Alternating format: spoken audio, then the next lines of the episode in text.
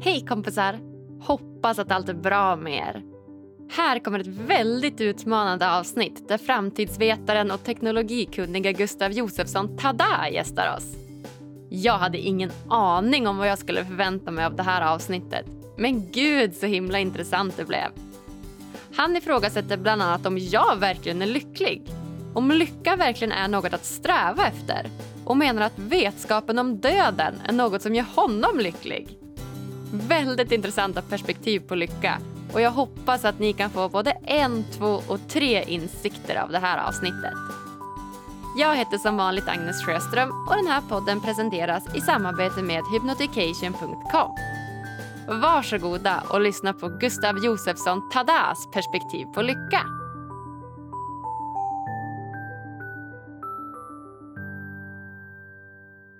Då säger jag varmt, varmt välkommen till veckans gäst, Gustav Josefsson. Tada! Tack, hej! Hej, vad kul att du ville gästa oss. Ja, fint att få vara här, tror jag. Ska bli, ska bli spännande vad det här är för något.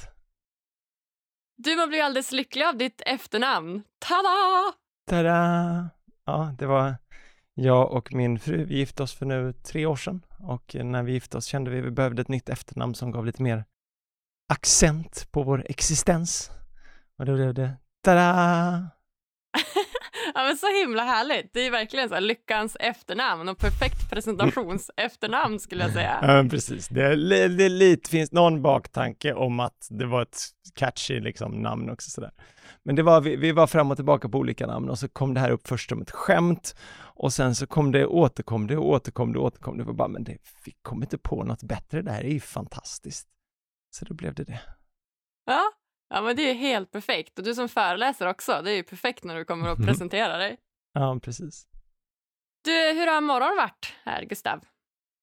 Eh, morgonen har varit bra. Jag eh, har precis skaffat sommarstuga på Värmdö, så jag har tagit morgonbåten i solskenet in och jobbat lite på båten. Eh, och sen så blev det lite kaos precis här före för det var lite, men lite teknikstrul sådär såklart. Kommer till studion, det saknas en sladd för att ladda upp ett tangentbord så att jag kan inte öppna datorn för att tangentbordet inte har slut batteri och så här. Så det, då blev det lite så här, ändrade energin så, men eh, ja, ah, nu, det är lugnt, det är lugnt. Ja, det låter ju helt fantastiskt med någon båttur till jobbet. Det är inte alla som ja, har det. Det, det är jädrigt nice och, och då, det tar ju längre tid än att köra. Jag kan ju köra på 25 minuter, men, men eh, 45 minuter på båt är ju, det är ju tid jag kan använda. Och det, både så här, det är en ganska nice naturupplevelse att sitta där och titta ut och det, det blir ju lite fokuserad arbetstid eh, till skillnad från om jag skulle köra. Ja, men verkligen. Nästan som att sitta på ett tåg, fast ännu bättre. Ja, men precis. precis. Och då får det gärna ta dubbelt så lång tid. Det är, det är bättre, tycker jag. Ja, ja, men absolut. Och så tycker jag man får så mycket inspiration när man är på havet av någon anledning. Du, vad härligt! Eh, när jag satt och researchade på dig här så försökte jag hitta de här gottigaste delarna men det var som att det tog aldrig riktigt slut här Gustav. Det var bara mer och mer och mer och mer som jag ville lära mig om dig. Jaha, ja. Jag tänkte fråga den, varför är jag, varför är jag här? Var, var, var, varför tycker du att jag ska vara med här? Ja, vad kul att du frågar! För jag satt ju och jag hört det i några tidigare poddar och så tänkte jag så här, ah, men gud han är ju skitspännande. Och det som jag tycker är mest spännande med dig det är just framtiden och teknologin. Mm. Så att jag tänker att vi idag ska prata om framtiden, teknologin och lycka. Hur låter det för dig? Ja, det låter spännande. Ja, jag är lite så här, för jag fick den här frågan och jag, eh, jag eh, är lite sådär, jag, jag är lite kluven för jag, jag på något sätt, jag på något sätt blir lite, lite kränkt av att det är en podd om lycka. Alltså, jag, jag har en speciell relation till lycka och ordet lycka som är så här, ja fast vad är, vad är, vad är grejen? Så jag är också lite nyfiken på så här, vad, vad, vad vi menar med, med lycka och varför, varför är det något vi vill ha liksom. Så därför är jag lite med bara för att ifrågasätta hela podden. Jag gick med lite bara så här, nu ska jag, jag tror jag vill vara med och käfta lite och säga bara, vadå lycka? Vad då är det på riktigt och är du lycklig och vad då? Ja, lite Är så. det så? Där, så känner jag. Men gud, så himla spännande! Vad var då din första tanke när du fick det här mejlet? Var det att så här, nu jäklar ska Nej, men jag Så, ifrågasätta? så jag, jag har en fördom om människor som pratar om lycka. Eh, Och det är att de inte är lyckliga. Alltså så här, jag, jag har träffat lite för många människor i mitt liv som på något sätt är lyckoinspiratörer, du vet sådana här peppiga, lyckliga och ska visa alla andra hur man ska bli lycklig människor som är så, så svarta inuti och, och som inte alls bottnar i det så här. De vet hur man får andra lyckliga, men det är det här skomakarens egna barn liksom, känner jag är väldigt inom lyckoinspiratörsskrået så finns det eh, lite för många sådär, du vet skomakarens egna barn, inte särskilt lyckliga själva men väldigt bra på att prata om hur man ska bli lycklig, hur andra ska bli lyckliga. Eh, Så jag har en sån, en sån fördom som ligger om lyckobranschen. Om, finns det en lyckobransch? Ah, gud vad spännande! Alltså, bra fråga. Eh, Jag känner ju att jag är med här för att jag vill ju lära mig vad folk säger är lycka och hur man uppnår det. Sen känner jag mig ganska lycklig själv också i och för sig, men det går väl upp och ner som alla andra känslor tänker jag. Ja men precis, det, det går ju upp och ner som all... Och, och är, det, är det eftersträvansvärt att vara lycklig? Ja, men jag tänker ju att jag tänker att den, liksom, om man vänder på det så tänker jag att den psykiska ohälsan är så himla utbredd idag. Och det är som att det har blivit någon typ av paradox att vi har allt här i Sverige när det kommer till samhällsstrukturer och relationer och bra jobb och vi har möjlighet att utbilda oss. Vi har ju alla möjligheter som bara finns i hela världen men ändå är vi så olyckliga och depression är så utbrett. Så jag är mer nyfiken på så här, varför är det så och hur kan vi ändra på det så att det inte behöver vara så? Ja, det, det är jag absolut, eh, det är jag absolut med på.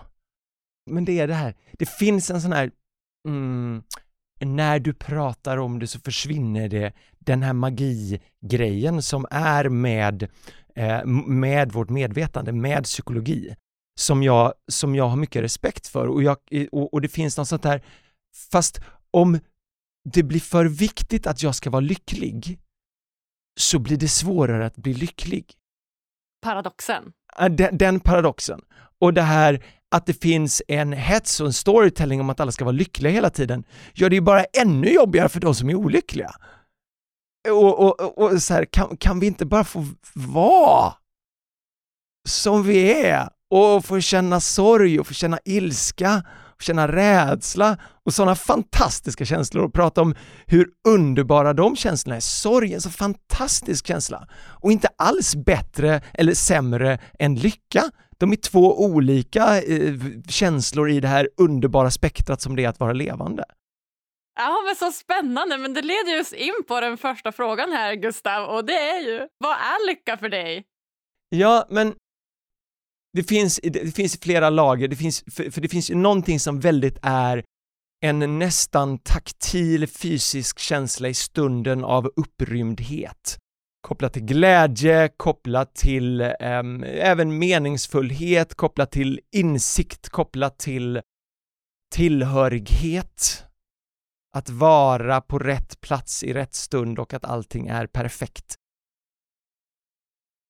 Som sådana stunder som man har, som man kan säga, där, nu är jag lycklig liksom.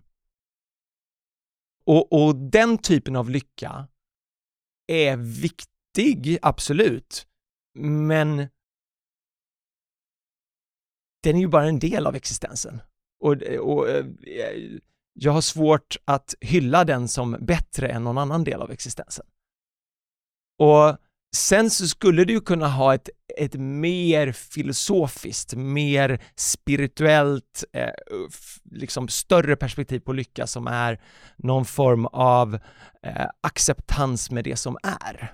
Någon form av liksom närvaro och medvetenhet, upplysthet i stunden. Och den, på det sättet så skulle du kunna vara, om vi använder det så, då skulle du kunna vara lycklig även i sorgen, även i ilskan, även i rädslan. Men då använder jag nog hellre ett annat ord för det, eller, eller ja, de- de- den, för den, då kan jag köpa lycka. Liksom. Okej, okay, så för dig är det mer att en acceptans i då att vad det innebär att vara människa i alla de känslorna vi har då, mer än det här upprymdheten, den här känslan av eufori. Ja, men för den är, den är kul också.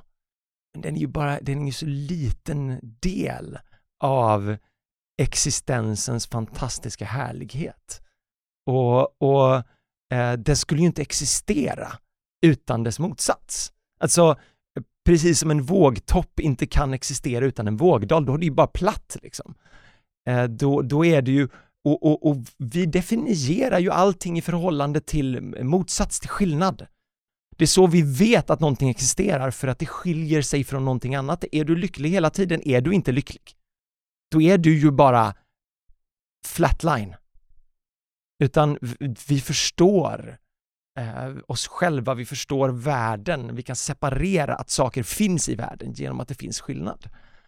Och då handlar det om att kunna, att, att ha ett, ett mångfald i sitt känsloregister. Att vara i nära kontakt med sin, sin sorg, att vara i nära kontakt med sin ilska.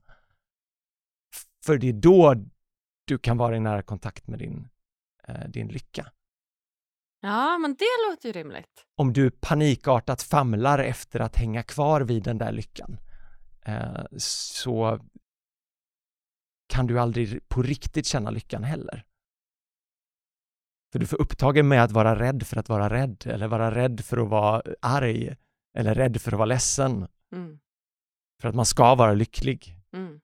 Men det blir man ju inte lycklig av. Nej, det blir man ju inte.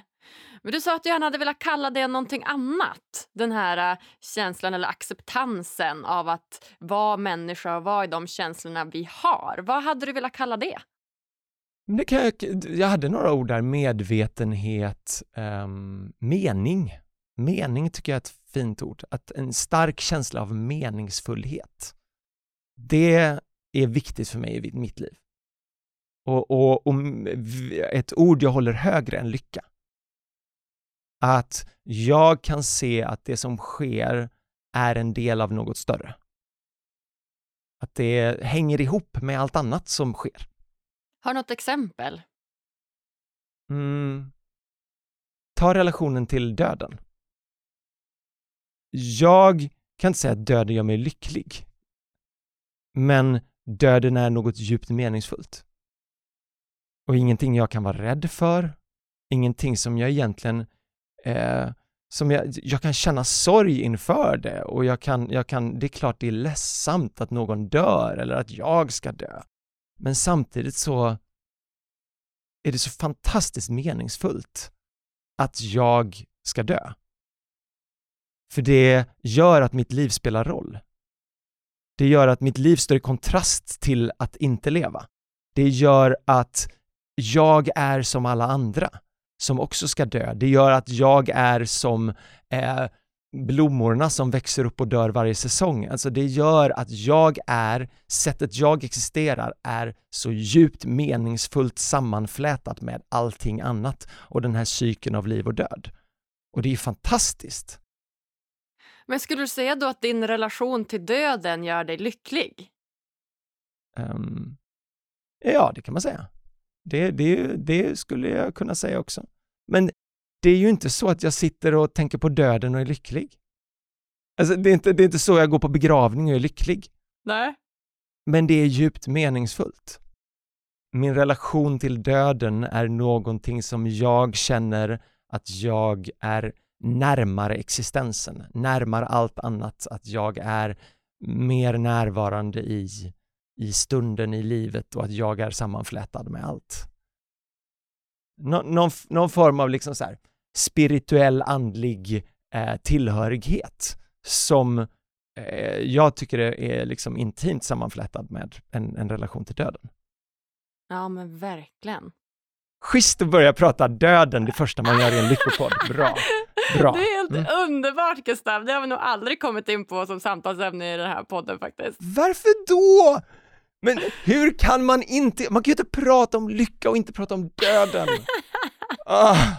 Alltså det, för det är, det är ju den främsta och mest genomgående rädslan som påverkar allt annat. Är du rädd för döden så driver det hela ditt beteende genom hela ditt liv. Och kan du inte förlika dig med den, då kan du inte förlika dig med någon förlust, någon sorg, någonting. Eller, alltså, det, det är så centralt, vår relation till döden, i, i, i förhållande till vår relation till, till lycka. Ska du uppnå lycka så måste du förlika dig med mörkret. Men okej, okay. så spännande. Så att förlika dig med då olika rädslor du har som jag förstår. Ja, rädslor, eh, känslor, sorg, ilska, vad, vad den, alla de här känslorna måste ju jag skaffa mig en relation med. Så att de är mina känslor. Har du gjort det? Jag skulle aldrig säga att jag har gjort det. Jag skulle säga att jag, jag jobbar på det. Och, och, jag skulle nog säga att eh, om jag får för mig att jag helt har förlikat mig med en känsla eller skapat mig den här relationen, då har jag nog eh, precis gått in i ett hörn, målat in mig i ett hörn liksom. Utan där är, det är också ytterligare en sån aspekt, acceptansen av att det är en process, av att det inte finns något som är, utan att allting ständ, är ständigt blivande allting är hela tiden på väg att bli någonting annat. Och, och även så min relation till döden är ju något som är ständigt växande, något som jag ständigt kultiverar genom mitt liv. Jag har ju den stora förmånen att jag har två eh, levande föräldrar. Det är klart att jag inte har en intim relation till döden förrän jag har fått gå igenom den sorg som det innebär att förlora sina föräldrar. Så det är klart att jag är ständigt på väg någonstans. Eh, så jag, nej, jag, jag, jag, inte, jag har inte förlikat mig. Jag är inte klar med något av det här än. Jag förstår. Är du lycklig då? Ja, alltså så här, jag, jag, jag har väldigt sällan skäl att svara nej på den frågan. Sen så, sen så finns det ju, jag kan säga att jag har stunder där jag har bristande mm, bristande, att jag tappar kontakten med min känsla av mening. Och då kan jag säga att jag är mindre lycklig. Jag har just nu i mitt liv så känner jag eh, professionellt att jag gjorde, att jag har gjort vissa val som har gjort mig tagit mig längre bort ifrån det som jag under den här våren under corona. Så jag har gjort vissa val som jag känner att har tagit mig längre bort från min känsla av att jag är på rätt riktning och på rätt spår. Och frågan är vad är det som har varit mina val och vad är det som är den direkta effekten av krisen och vad som hänt sådär. Men visst, jag kan säga, är jag lycklig? Men jag är jättelycklig hela tiden. Jag åker tillbaka till min båt, till min stuga och mitt, min 11 månaders dotter och min fru och leker på gräsmattan och allt är fantastiskt. Och samtidigt så när, så, så här, det faktum att jag just nu har tappat några pusselbitar i vad jag känner är min riktning. Eh, det ligger med mig hela tiden. Det är alltid där. Det är ju inte, det går inte att skatta bort. Det går ju även i stunden när jag leker och har det underbart med min dotter. Så finns det någonting inuti mig som så här, okej, okay, men jag, jag har tappat lite riktning nu. Ja, men det låter spännande, Gustav. Vad härligt. Vilken uh, härlig uh, vinkling vad, vi hade på ämnet. Vad, vad men vad känner du när jag säger det här? Nej, jag förutom det att det är spännande. Nej, men förutom att det är spännande, vad, vad får det dig att känna? Det får mig att känna mig lycklig, tror jag. Jag blir lycklig okay. av att prata med er människor och speciellt när ni har något liksom, ny spännande infallsvinkel att komma med. Då, då blir jag jättelycklig och spänd och nyfiken på vad ni har att säga. Om vi skulle lägga den känslan åt sidan. Okej. Okay. Om vi skulle lägga lyckokänslan åt sidan, vad finns det mer? Vad, vad dyker upp för andra känslor om du inte skulle välja att hänga på där, åh, åh, fan vad häftigt, den känslan, utan eh, slappna av lite mer och se vad, vad, vad ligger under. Vad finns det för andra känslor också? Du vill att jag gräver bakom den här lyckokänslan som jag känner och ser om jag känner någonting annat? Jag frågar för att jag, jag upplever att eh, en baksida av lycka är att den är en fantastisk distraktion. Alltså är du duktig på att eh, koppla an till lycka så är det väldigt lätt att fly från alla andra känslor. Eh, och, och, och jag märker, jag, när jag jobbar i processer, eh, jag, jag, har en, en mansgrupp som jag är med i, som vi jobbar med olika, eh, olika verktyg för att uh, så här, inre emotionellt eh, arbete. Liksom. Och, och där är det så tydligt att vissa stunder när någonting pekas ut som gör ont, så är det så lätt att dra ett skämt. Och det blir ett skratt och bara ah, och den här, det lättsamma som händer när man slipper stanna i sorg, när man slipper stanna i rädsla, bara ah, ah, ah, ah, ah, ah, så, och så, och så blir det, och, så, och det känns lycka liksom. Och samtidigt så var vi precis, och så, och så är det någon som säger men om vi inte ska skratta åt det där, vad betyder det då? För det finns alltid så mycket mer komplexitet i känslor som ligger under lyckan och som lyckan ibland kan eh, vara en distraktion för, för det är framförallt om man är ganska bra på att vara lycklig. Då är man bra på att slå på det här, ja ah, men det är ju ändå kul ändå. Och då kan man undvika under stora delar av sitt liv att, att arbeta med stora delar av sig själv. För att det är så bekvämt att vara lycklig. Ja, nej, men det där känner jag ju verkligen igen när jag pratar med mina gäster så är det ju verkligen ett tillstånd av lycka för mig och eufori och nyfikenhet. Jag tycker det är spännande att höra allas vinklingar på ämnet. Men det är klart att jag också jobbar med olika känslor som sorg och ledsamhet och ångest emellanåt. Så det är ju inget att sticka under stolen med. Nej. Nej men det, det, för det är det här med som, som jag, för att gå tillbaka, för jag, jag, försöker lista ut den här fördomen jag har om människor som pratar om lycka. Eh, så är det ju det att i och med att du tycker om att prata om lycka och alla stunder du pratar om lycka så, så är du mer lycklig, så, så, så blir det en, det blir en onyanserad bild av verkligheten. Och ska jag sitta och lyssna på dig så är det så lätt att tro att du är sån här hela tiden. Det förstår jag. Det är som alla Instagram-konton och liknande. Att vet, Man ser bara det man ser, det tror man är reality. Ja, och i, i relation då till att vi faktiskt ska försöka kultivera lycka. Så att försöka göra det och bara, genom att bara prata om lycka är jag tveksam till. Och det, det, är därför, det, är därför jag lite så vill komma in och bara, och nu, jag hade inte alls planerat att börja prata om döden, men, men för mig, för mig så känns det, uh, alltså, jag, jag, vill bara när, när, när, vi, vi, så fort vi går in i lycka så bara, så kan, vi, kan vi inte prata om ensamhet istället? Kan vi, kan vi inte prata om, för, för att, för att liksom nyansera, för att lägga komplexitet till vad det är att känna. Ja, men så spännande. Så om du hade... Säger, nu är det, nu är det ja. spännande igen! Jag tycker det är spännande! ja, men jag, jag vet, men det, det är så här... Ja. Mm. Nu känns det som att jag inte har rätt till att känna mig spännande, att det känns spännande och glad och, och lycklig. Va, vad borde jag? Nej, du, borde du, jag du, har, nej du, du får känna vad du vill.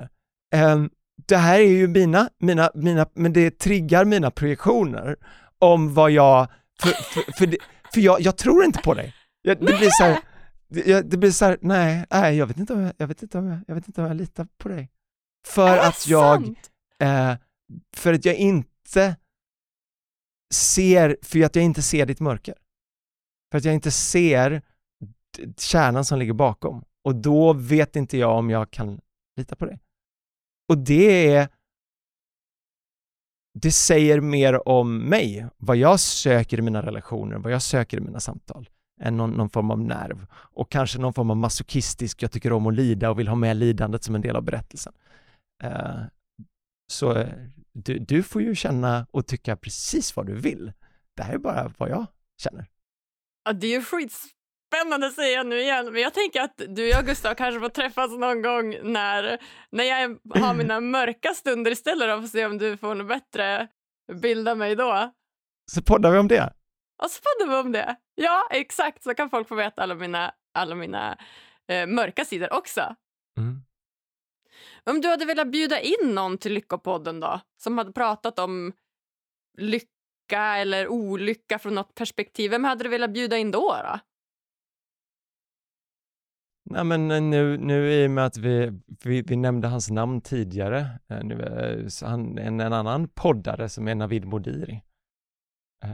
Som Navid är en sån person som verkligen har sån, som jag, som är en, en av mina närmaste vänner, som har otrolig, eh, han, han bär sitt mörker utanpå liksom. Och det gör honom så otroligt äkta och eh, närvarande, blomstrande nästan liksom. För det är så mycket av hans kreativitet och så mycket av hans nerv och så mycket av hans intresse och mycket av hans driv eh, som kommer av att han är så han leker med sitt mörker och har det med sig hela tiden. Och Navid gör mig väldigt lycklig. Och jag tror vi gör varandra lyckliga. Liksom. Så det, det, det, det är en bra gäst. Ja. ja, vad fint. Det ska jag verkligen ta med mig. Du, det blev ett eh, långt intro här, eh, eh, Gustav. Du, jag tänker att vi idag ska prata lite grann om teknologin och eh, framtiden kopplat till lycka. Och jag vet ju att du sedan tidigare har en akademisk historia inom både kognitionsvetenskap, ekonomi, kemi, retorik och så vidare. Och jag vet att du har över 20 års erfarenhet av att driva bolag och att du är medskapare till det populära communityt The Borderland och att du idag jobbar med, med föreläsningar och coachning om då bland annat teknologi och framtidsfrågor. Och då undrar jag, hur kom det sig att du kom in på just teknologi och framtidsfrågor om vi ser på din, till din akademiska bakgrund? Jag började programmera när jag var tio år gammal, så jag är ju datanörd i grunden. Det började ju på någonstans som att jag var datanörd och så startade jag mitt första företag och byggde liksom servrar för småföretag när jag gick i gymnasiet. Och så te tekniken har ju varit där hela tiden och sen så började jag plugga och pluggandet går bara att beskriva på jätte, ett jätteenkelt sätt. Jag har bara läst det jag var nyfiken på när jag var nyfiken på det. Och det gjorde att jag bytte huvudämne sju gånger på eh, fyra och ett halvt år och var i tre olika, på tre olika universitet. Och sen så började jag jobba med entreprenörskap och att stötta unga entreprenörer i Sverige och um, någon gång 2009 blev jag tillfrågad att föreläsa om det här. För då runt 2009 så hade det blivit en grej lite grann att det var att det här med att alla unga ska starta, starta företag. Eh, det hade ju aldrig hänt tidigare, att det fanns en ung entreprenör var ju ett nytt koncept liksom. Och så var det någon som sa, okej, okay, men kan inte du komma och berätta om vad det här med unga entreprenörer är för något för oss gamlingar? Eh, och då, då eh, gjorde jag, grävde jag ganska djupt i sådär, på vilket sätt driver en ny, byggs en ny generation bolag tillsammans, i förhållande till de gamla? Och liksom gjorde research, en berättelse om liksom förändring och, och egentligen, jag gjorde min första framtidsföreläsning där jag pratade om hur, hur ser det ut när en ny generation kliver in i, i entreprenörskapet och vad, hur förändrar det sättet vi driver bolag på. Eh, så. Och eh, då var det någon som tyckte det var bra som satt i publiken, så frågade de igen och sen så var det någon annan som frågade, så frågade de igen och sen så blev det att jag började föreläsa och så från att bara prata om då startups och entreprenörskap så blev det att jag breddade och pratade om fler samhällsfrågor och till sist så 2013 så sa jag, ja men det, då pratar jag väl om framtiden. Det är väl det jag pratar om då. Och det har jag gjort inom eh, alla olika typer av ämnen och branscher och från HR-frågor till marknadsföring till ledarskap som jag jobbar mycket med ledarskap och organisation idag eh, och till samhällsfrågor då. Min styrka är väl just att jag in, aldrig kunde bestämma mig eh, och att jag har en väldigt tvärvetenskaplig grund och en väldigt bred kompetens. Så jag är liksom ingen expert. Jag kan ju inte någonting riktigt om något. Men jag har väldigt lite koll på väldigt mycket. Nej, nej, inte, nej. Jag, har, jag har ganska bra koll på väldigt mycket och det gör att jag kan dra lite större penseldrag. Jag kan kliva in i en bransch och förklara varför det som händer i den branschen hänger ihop med allt annat. Jag kan prata med en, en människa som jag coachar och, och få det som händer i deras liv att passa in i en större kontext. Så jag är liksom en historieberättare med väldigt många färger på paletten som, gör, som hjälper till att skapa sammanhang och få folk att förstå eh, hur de och det de gör passar in i något större skala. Ja, men spännande. Ja, du har verkligen många strängar på din lyra, Gustav. Ja, eller, eller, och samtidigt är det bara en. Och det är att jag, jag är bra på att prata liksom. Och jag är bra på att väva ihop det här. Så att på ett sätt så är det många strängar eh, och samtidigt så är det, ja, det är just någonstans i mitten så händer något annat som är en annan kompetens, en annan specialkunskap. Liksom. Mm. Jag tänker att koppla till eh, dagens teknologi. Vad ser du för nackdelar med dagens teknologi? Vad är baksidan på dagens teknologi? Eh, en, en utmaning är ju att vi, inte, vi som människor inte anpassar oss lika snabbt som eh, teknologin utvecklas. Och framförallt i relation till, till äldre generationer. Vi har inte riktigt fått koll på våra kompetensutvecklings eller våran, våran utveckling genom livet. För att vi har en bra skola och jag, har, jag är inte en sån som är så orolig för dagens ungdom och hur de ska lösa all teknik och sånt där. Och, och till viss mån så har vi även bra stöd eh, genom eh, företagen med kompetensutveckling och att man får lära sig genom, liven, eh, genom livet. Men lite ju äldre du blir, desto mindre investerar samhället, desto mindre stödstrukturer finns Eh, för att fortsätta utvecklas. Och grejen är att så mycket händer på tio år, så om inte du är i lärande sammanhang mellan du fyller 65 och du är 75, så kommer du känna dig väldigt utanför när du är 75. Och vi har ingenting som hjälper den målgruppen att fortsätta utvecklas och fortsätta lära sig. Och, och, när fler och fler av vårt samhälle känner sig utanför, och det, och det här är ju, man kan, nu, det är en väldigt tydlig grupp, men det här handlar om hela livet, för det är inte alla yrken som har den typen av lärande för livet som är integrerat. För det handlar inte, det handlar inte om något så enkelt om att vi, vi behöver kompetensutvecklas, du ska lära dig en ny app, ett nytt verktyg, en ny grej. Utan det handlar om att vi behöver lära oss mer och mer saker hela tiden vilket betyder att vi måste spendera mer och mer av vår dag till att göra saker vi inte kan. Vilket betyder att vi måste spendera mer och mer av vår dag till att misslyckas med saker i och med att vi inte kan dem ordentligt. Vilket betyder att vi måste, vi spenderar mer och mer av vår tid med en relation till misslyckande. Och, och, att göra saker vi inte kan. Vi spenderar mer och mer tid i relation till den rädsla och den, det utanförskap och den, den känsla av obekvämhet som finns kopplat till att inte hänga med, att inte veta hur man gör och att misslyckas. Så är, vi pratar inte om kompetensutveckling, vi pratar om personlig utveckling. Att så här, för att det här samhället ska överhuvudtaget fungera så behöver vi psykologisk utveckling för andra medborgare. Alltså för alla i Sverige, alla människor måste bli bättre kunna att hantera sina rädslor, att kunna hantera misslyckanden, att kunna vara öppna och ödmjuka och transparenta med sina misslyckanden.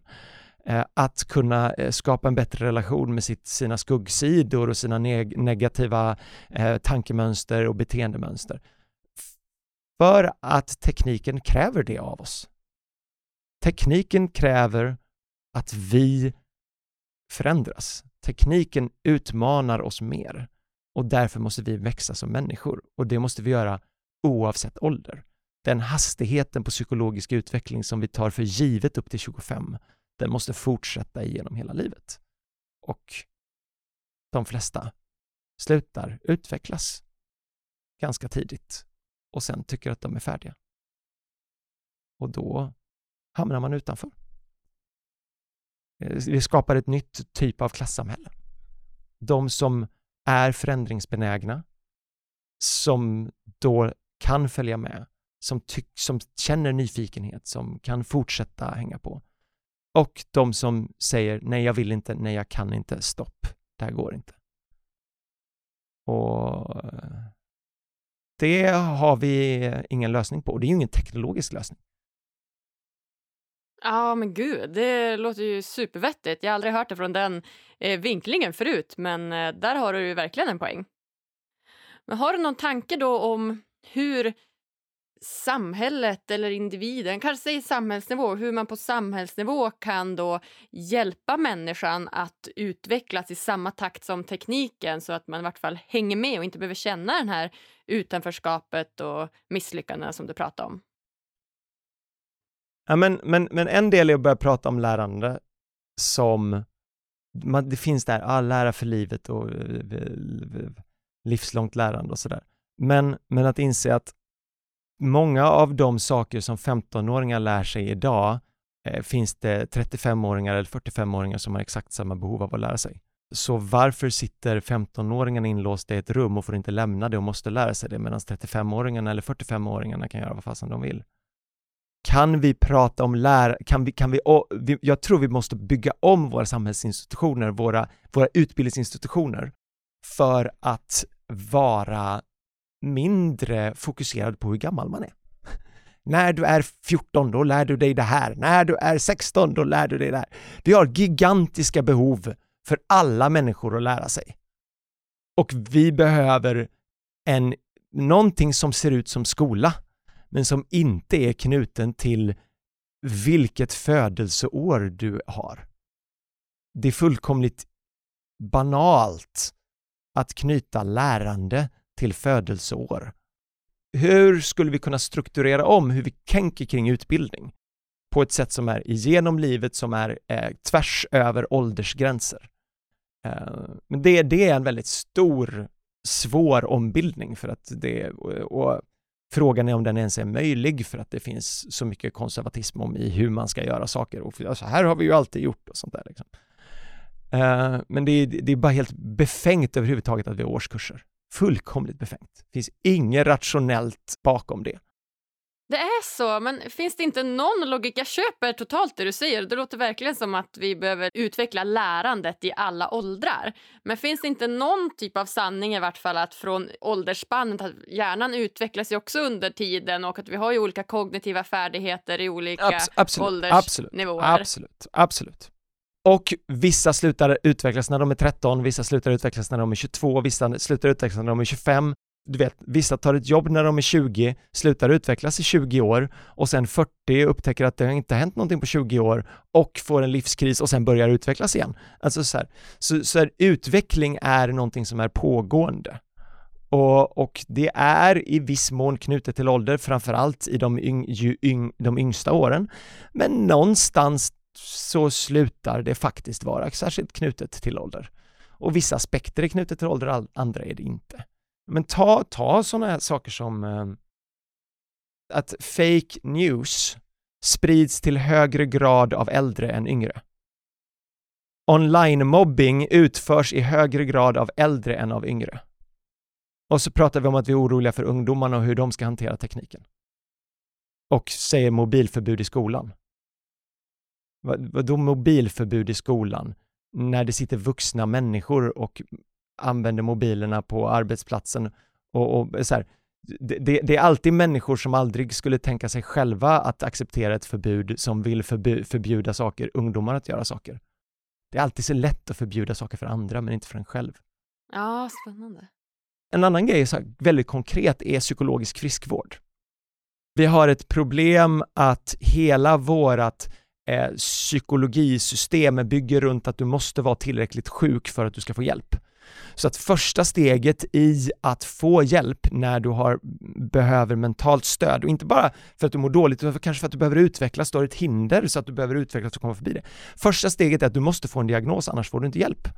Vilket är fullkomligt befängt, för en diagnos det kan ju jag få när jag vill. Det är ju bara läsa på och säga vilka symptom jag hävdar ska ha. Så någon som har lite huvudet på skaft och vet vad man ska säga så kan man ju gå och få en diagnos om man vill ha en. Så, så till, till stor grad så får man ju en diagnos för att du vill ha en diagnos. För att då vill du ha en diagnos så, så går det ju att, att skaffa sig en. Det är bara att gå in tillräckligt mycket i, i det som du förväntas vara. Och det betyder ju också att vi har ett helt system som säger till folk som står i tvivel, som står i osäkerhet, som står i otrygghet, att för att du får hjälp så måste du bete dig så som vi förväntar dig att du ska bete dig. Så du behöver göra dig själv lite mer deprimerad. Du behöver göra dig själv lite mer socialt avskuren för att du ska få någon hjälp. Så, att, så att det är ett otroligt destruktivt system vi har idag som säger till folk att bli sjukare så att vi kan hjälpa dem. Istället för att vi skulle vända på det och säga det bästa sättet som vi kan skapa psykisk hälsa i Sverige är genom att prata om psykisk hälsa, inte om psykisk ohälsa. Om psykisk friskvård istället för psyk psykisk sjukvård. Att stötta alla människor utan krav på att du ska må tillräckligt dåligt i utveckling i sina liv, i att hantera känslor, i att ha någon att prata med, i att komma över stora dilemman och problem i sina liv. Det, det borde finnas på Drottninggatan i Stockholm en kostnadsfri drop-in för att ha någon att prata med. Du, äh, du, du kan eh, kila bort till, till, till liksom eh, Adolf Fredriks kyrka där liksom, så sitter en präst och gör det. Men den prästen, den funktionen, prästen som alltid fanns, som du kunde gå och prata med, och det finns inget, det fanns inga prövogrejer, det var inte så att du var tvungen att synda tillräckligt mycket för att prästen skulle prata med dig. Den funktionen behöver vi. Och det är delvis som samhällsinstitution, att vår, vår sjukvård ska ha den friskvården då, men också att, vår, att vi ska ha det, titta på våra arbetsplatser. Jag skulle gärna se att facket började ställa krav på psykologisk friskvård. Att, att det finns, att, att, att eh, våra, med, våra arbetare behöver inte bara tillgång till gymmet och få spela bandy, utan de kan få tillgång till någon att prata med. Och kanske till och med då att, att äh, arbetsgivarna då säger då mot, motpart säger okej, okay, men då måste de prata med dem också. För att en del av det är att i, i det kapitlet är att de som behöver det mest inte utnyttjar det. Vi behöver faktiskt en spark i ändan för att gå och prata med någon. Så det kanske inte hjälper att du sätter upp en terapeut på arbetsplatsen för att det är bara de som kanske inte riktigt behöver terapeuten som går och ser den, de som, några av de som mest behöver det. Här är också en manligt kvinnligt grej, för män har mindre tendens att söka hjälp för sina problem. Det är också en gammal ung, för att äldre eh, finns det mycket mer tabu kring att söka psykologiskt stöd. Så därför behöver vi en, lite, en uppmuntran, en liten kick i ändan. Att så här, en del av ditt, må, ditt månexliga utvecklingssamtal är att du också går och testar en, en en eh, givetvis då tystnadspliktsbelagd eh, terapeut. Och det måste du göra om du ska jobba här. Ja, men det här känner jag verkligen igen. Och jag tror att det du sätter fingret på nu är lite grann det som jag fastnade också eh, när jag läste positiv psykologi. För positiv psykologi då, då fokuserar man just på det positiva inom psykologin, alltså välmående och hälsa och hur man uppnår välmående och hälsa istället som i den klassiska traditionella psykologin då man, där man forskar mer på just psykisk ohälsa. Och jag tycker att man märker en ganska stor skillnad där också i samhället. Just skillnad mellan att vara en traditionell psykolog och att vara en psykologisk coach. Då jag tycker coacher fokuserar oftast mycket mer på på den här äh, positiva sidan och på lösningar och hur man liksom tar sig ur psykisk mm. ohälsa mer än att bara prata om hur deprimerad man är och hur olyckligt allt är och dåligt allting är. Så att rent spontant så ser jag typ ändå ett litet skifte. Nu skrattar du. Ja, det, det, var fint, för du hade motsatta fördomar om vad jag hade. För, för, när jag hör psykolog och psykologisk coach, då hör jag att den ena har inte pallat att gå hela utbildningen. Eh, Okej, okay, så tänker inte jag. För mig är psykologisk coach liksom en psykolog som inte riktigt lärt sig hela jobbet. Ja, men psykologisk coach är ju också en utbildning som finns på högskolor. Ja, fast den är ju inte legitimerande. Så du kan, vem som helst kan kalla sig psykologisk coach. Jag kan kalla mig säga jag är psykologisk coach. Så det är, ju ett, det är ju ett ord som lånar auktoritet från psykolog utan att riktigt Ja men säg då livscoach. Bevisat. Ja, ännu värre. Ja, det är ännu värre, okej. Okay. Ja, ja, nej, men, ja fast, fast livscoach, då förstår man ju i alla fall att du bara skjuter från höften. Förstå att man skjuter från höften, det är hårda ord okay. här, här kommer, här kommer hela mitt liksom akademiker för, fördomar om, Eh, eller liksom mitt vilket är paradoxalt, för jag pratade om att vi ska riva hela utbildningssystemet.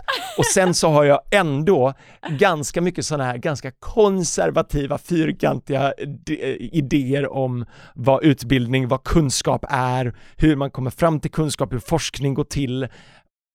Det finns väldigt mycket problem med eh, psykologutbildningen. Absolut. Och, och, du pinpointar en del av det liksom.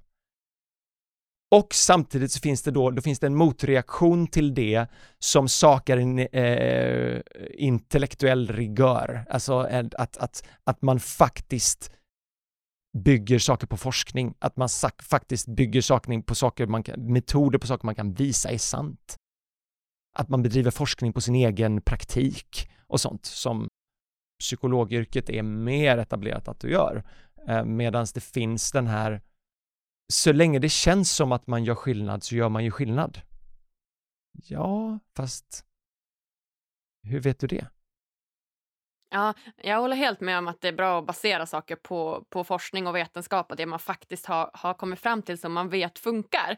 Men jag har ju individer som läser den kursen i positiv psykologi tillsammans med mig som går psykologprogrammet som, som valde till den som en extra kurs då just för att få det perspektivet. Så att jag tänker att det, det är ändå på väg in i psykologutbildningen också. Ja, och, och den eh, eh, utbildningen du har gått förstår jag är ju ändå vetenskapligt förankrad. Kontra diverse onlineutbildningar som livscoach som man kan gå och sen kalla sig livscoach. Det var lite den, den så här. Och det betyder inte att alla som kallar sig livscoach är någon form av, eh, är dåliga, det är inte det, det finns jättemånga bra livscoacher. Det är mest så här, det är ett, ett begrepp som så många har använt att det inte är en kvalitetsgaranti. Det säger väldigt lite om vem du är för att vem som helst kan kalla sig det och vem som helst kan gå och ha gått en tio veckors utbildning från någon som själv inte har någon utbildning eller kunskap utan bara har slängt ihop en schysst online-grej som är rolig att gå. Och då är man, då är man coach. Så.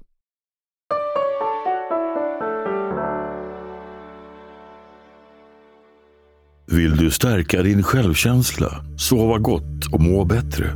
Då borde du testa vägledd självhypnos det enda du behöver göra är att lyssna, slappna av och följa instruktionerna.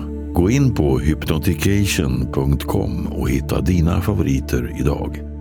Ange koden LYCKA för 15% rabatt på hela köpet.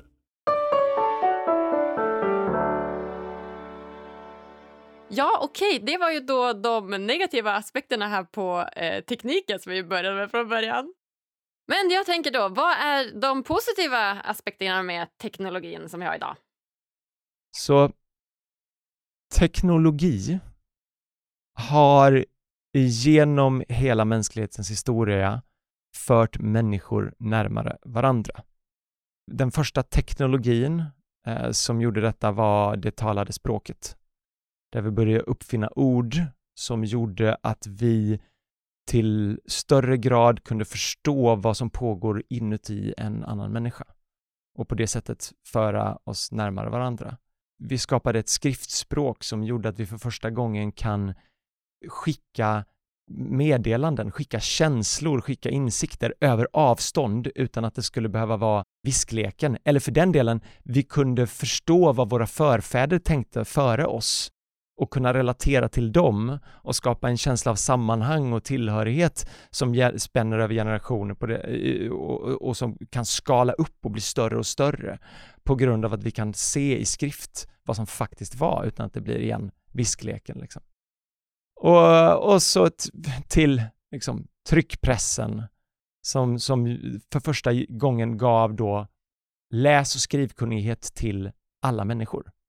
Alltså för det, det, du måste ju ha en tryckpress för att skapa allmän läs och skrivkunnighet.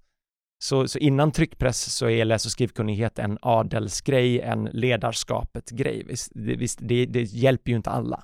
Så vad egentligen som händer då när du har tryckpressen, det är att du får läs och skrivkunnighet för alla, vilket gör att det är nästan som, som du för första gången egentligen upptäcker läs och skrivkunnighet.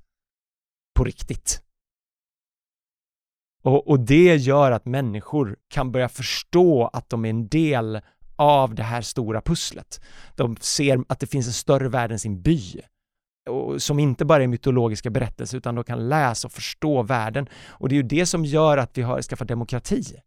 Tryckpressen är ju det som gör att demokrati blir möjligt för att fler börjar läsa på och förstå att det händer saker i världen. Och det är först då som man inser att vänta här, kungen är inte Gud, det är bara en vanlig nisse som alla andra. Du måste uppfinna tryckpressen för att folk ska fatta att kungen inte är Gud som vandrar på jorden. Typ. Alltså så här, att, att vi ska förstå att vi är lika och så, så, så idén om eh, mänskliga rättigheter, så idén om demokrati, om idén om, om att, eh, bara idén att, att vi ska ha medkänsla för någon som är tillhör en annan stam, ett annat land, någon annan sida på jorden, är ju sånt som växer fram av att vi får fler verktyg för att kunna kommunicera. Och det för oss närmare varandra. Alltså när, när det börjar ske krig, när det börjar ske protester på ena sidan av jorden för ett krig på andra sidan av jorden som man inte ens är involverad i själv. Och, och det händer inte förrän vi börjar få se bilder på kriget. Alltså vad bilder på krig gjorde i nivå av medkänsla för vad som verkligen hände där. Och hur det förändrade hur vi eh, kan relatera till konflikt, till svält på andra sidan jorden, till eh, så. Så genom hela vår historia så, är, så för tekniken oss närmare varandra, utvecklar vårt sätt att relatera varandra, gör oss mer mänskliga. Så, så vad är det positiva? Det positiva, här, om jag ska, framtidsprojektionen är om vi i 10 000 år sedan vi började bygga by har 12 000 år liksom, varit, varit på väg åt en riktning så tror jag att den generella riktningen kommer fortsätta. Visst, det kommer vara upp och ner, det kommer vara konflikter och det är problem och allt, och som så här, vi har jättemycket utmaningar, det är inte det. Men mitt framtidshopp, det sätter jag till det faktum att vi har hållit på med det här i 12 000 år, det har gått ganska bra hittills. Och visst, det finns lite parenteser. Vi skulle kunna dra till med global uppvärmning till den grad att vi eh, utrotar alla människor. Och samtidigt, det är på grund av teknologi som vi förstår att global uppvärmning överhuvudtaget händer. Alltså det, och det är på grund av utveckla, ytterligare utvecklad informationsteknologi som vi kan kartlägga det här. Och det är på grund av utvecklad in, ytterligare utvecklad informationsteknologi som vi kan få fler människor att fatta att detta är ett problem och därför skapa en storskalig global beteendeförändring. Tekniken krävs för att vi ska kunna lyckas med det. Så det är också så här, ja, det uppstår problem av tekniken, men det är också genom tekniken som vi uppstår att vi har problem. Ja, men du har verkligen poäng där om man ser det långsiktigt. För jag tänker mer på eh, generellt sett typ sociala medier och sånt, att de som har utvecklat Instagram och notiser och plingljud, de har ju spelat ganska mycket på människans eh, kognitiva krafter och på vår uppmärksamhet till exempel och det skapas ju lätt ett beroende och så.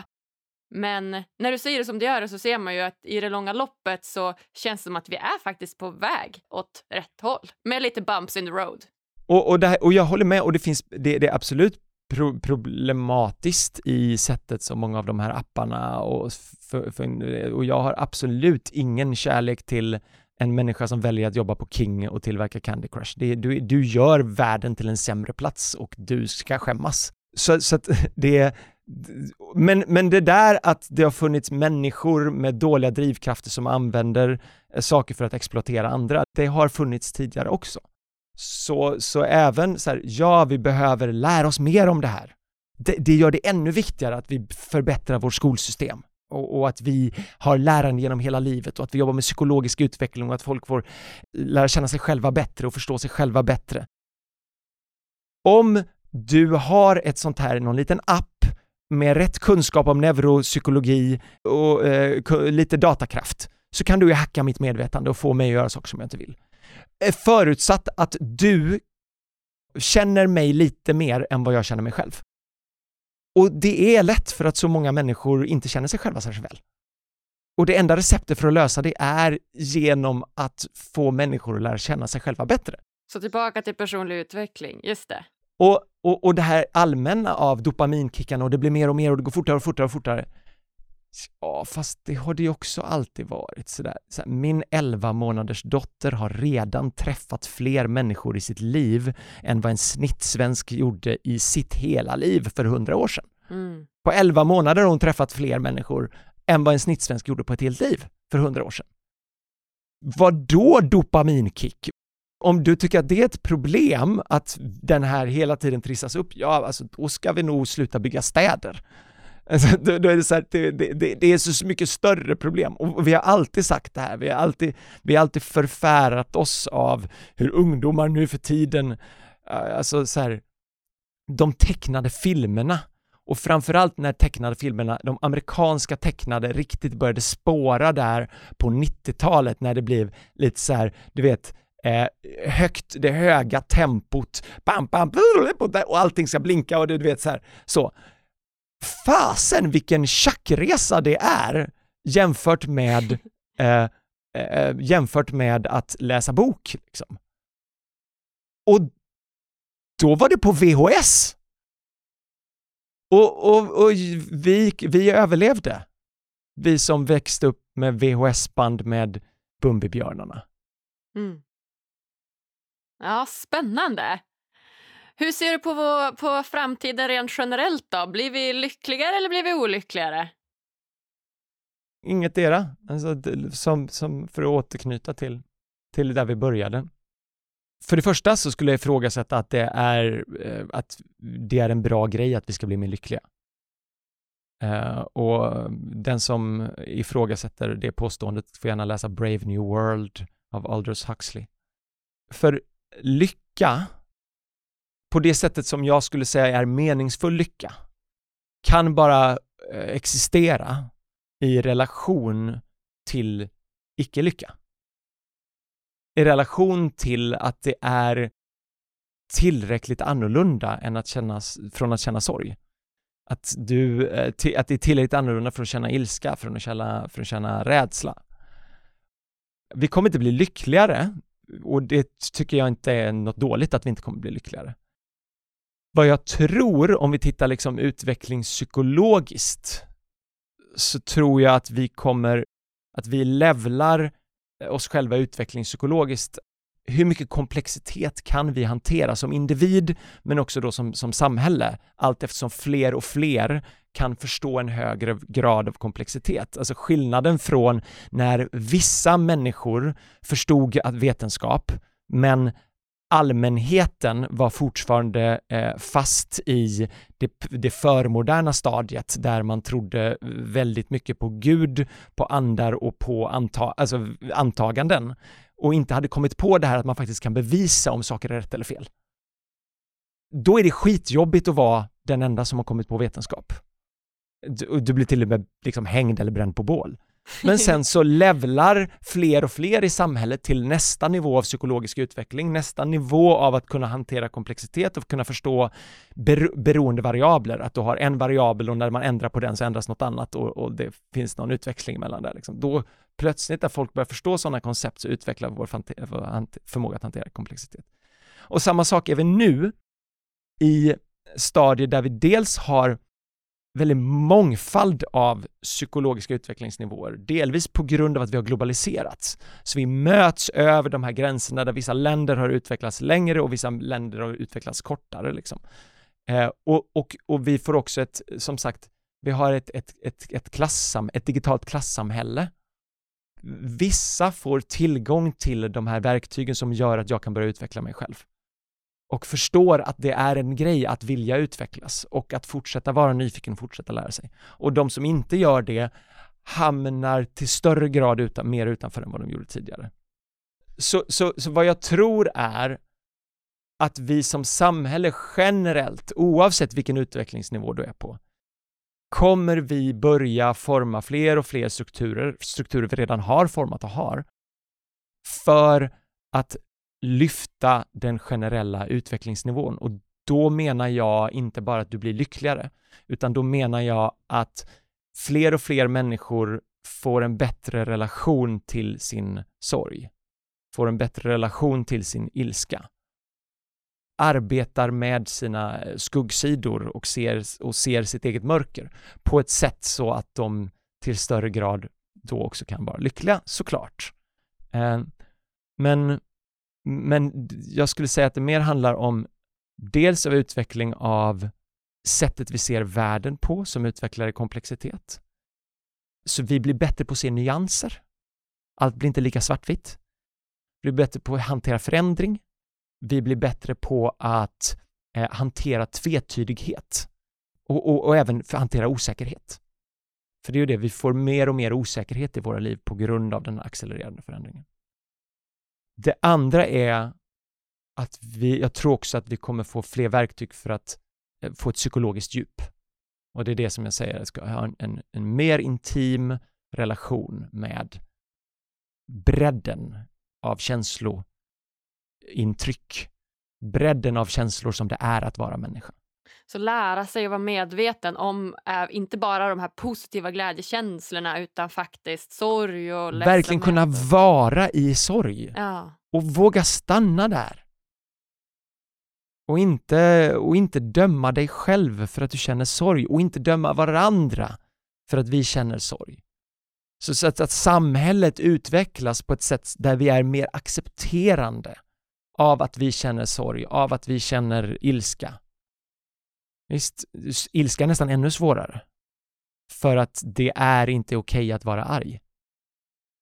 Såvida du inte tillhör en viss utsatt eh, liksom minoritetsgrupp där du, ni, ni får vara arga. Liksom. Men du får ju absolut inte vara arg om du är vit man. Liksom. Då, då, då får du inte vara arg. Men vita män är arga. Jag kan vara arg. Jag måste få vara det och jag måste få hitta ett sätt att kultivera min relation till den ilskan för att den ska bli produktiv så att den inte kommer ut på förfärliga sätt. ja, men emotionell kompetens. Precis, det kan, vi kalla det. Emotionell kompetens. Och då oron som jag har där är kommer detta ske för alla människor eller kommer det ske för de få?